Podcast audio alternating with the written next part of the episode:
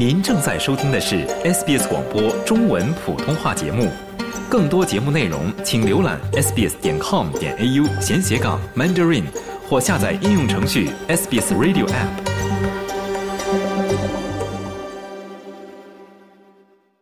份新的报告显示，许多澳大利亚的学校难以填补全职和临时教师的职位。新南威尔士州的问题最大，其他州和领地也急需更多的老师。因此，数千名像特里莫里亚蒂这样的退休老师都在被征召回到学校。That hasn't happened at the start of the year before. 前一年初并没有发生过。我认识的老师们都有点像我，我们都觉得我们到现在应该是超过年龄了，但我们还是被邀请回到学校。对此，我们并不感到惊讶。特里莫里亚蒂是在2008年退休的，拥有超过50年的教学经验。这位75岁的老师不得不以临时教师的身份重新回到学校和课堂，以提供帮助。我被要求和另外的老师一起在图书馆坐着，照看图书馆里的三四个班级，然后沿着走廊去检查各方面的情况。当情况变得紧急的时候，我得和另外的几位老师一起一次性的带四个班级。这种情况已经持续几年了。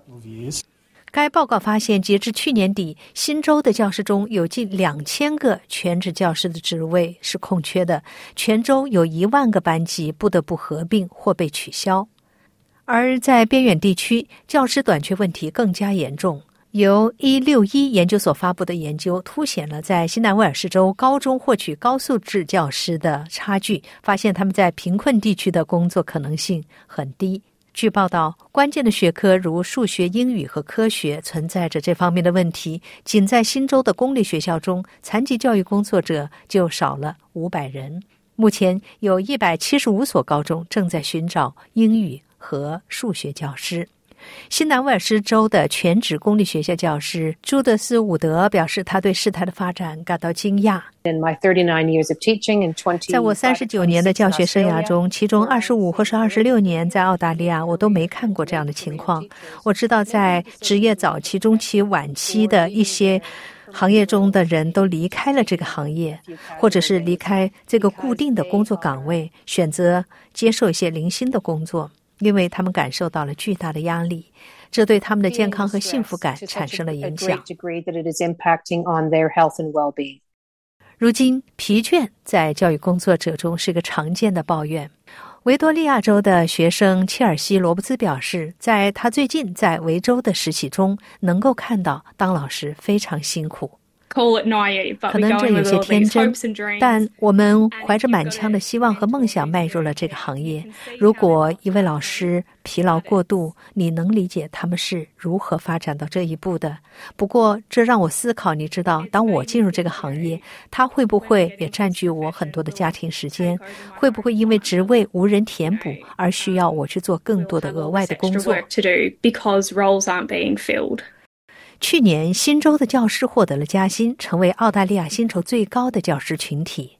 此外，还有联邦奖学金拨款和 HECS 学费减免等福利，这一些都是为了使教育工作更具吸引力。但是，澳大利亚教育工会主席科瑞纳·海瑟普表示，还需要采取更多的措施。很多老师都说已经受够了，不能够在每周工作五十六个小时了，而且学生教育的复杂性增加了，他们没有得到所需要的支持。教育部发言人表示，正在努力缓解这种情况。Australia does have a shortage of teachers 澳大利亚确实存在长达十年的教师短缺问题解决这个问题需要一些时间。薪酬是其中的一部分，工作负担和教师培训也如此。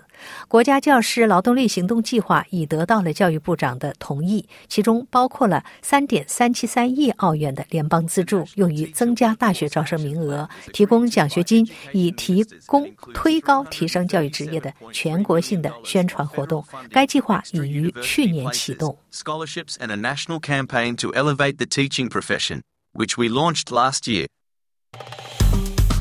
喜欢、分享、评论，欢迎您在 Facebook 上关注 SBS 普通话页面。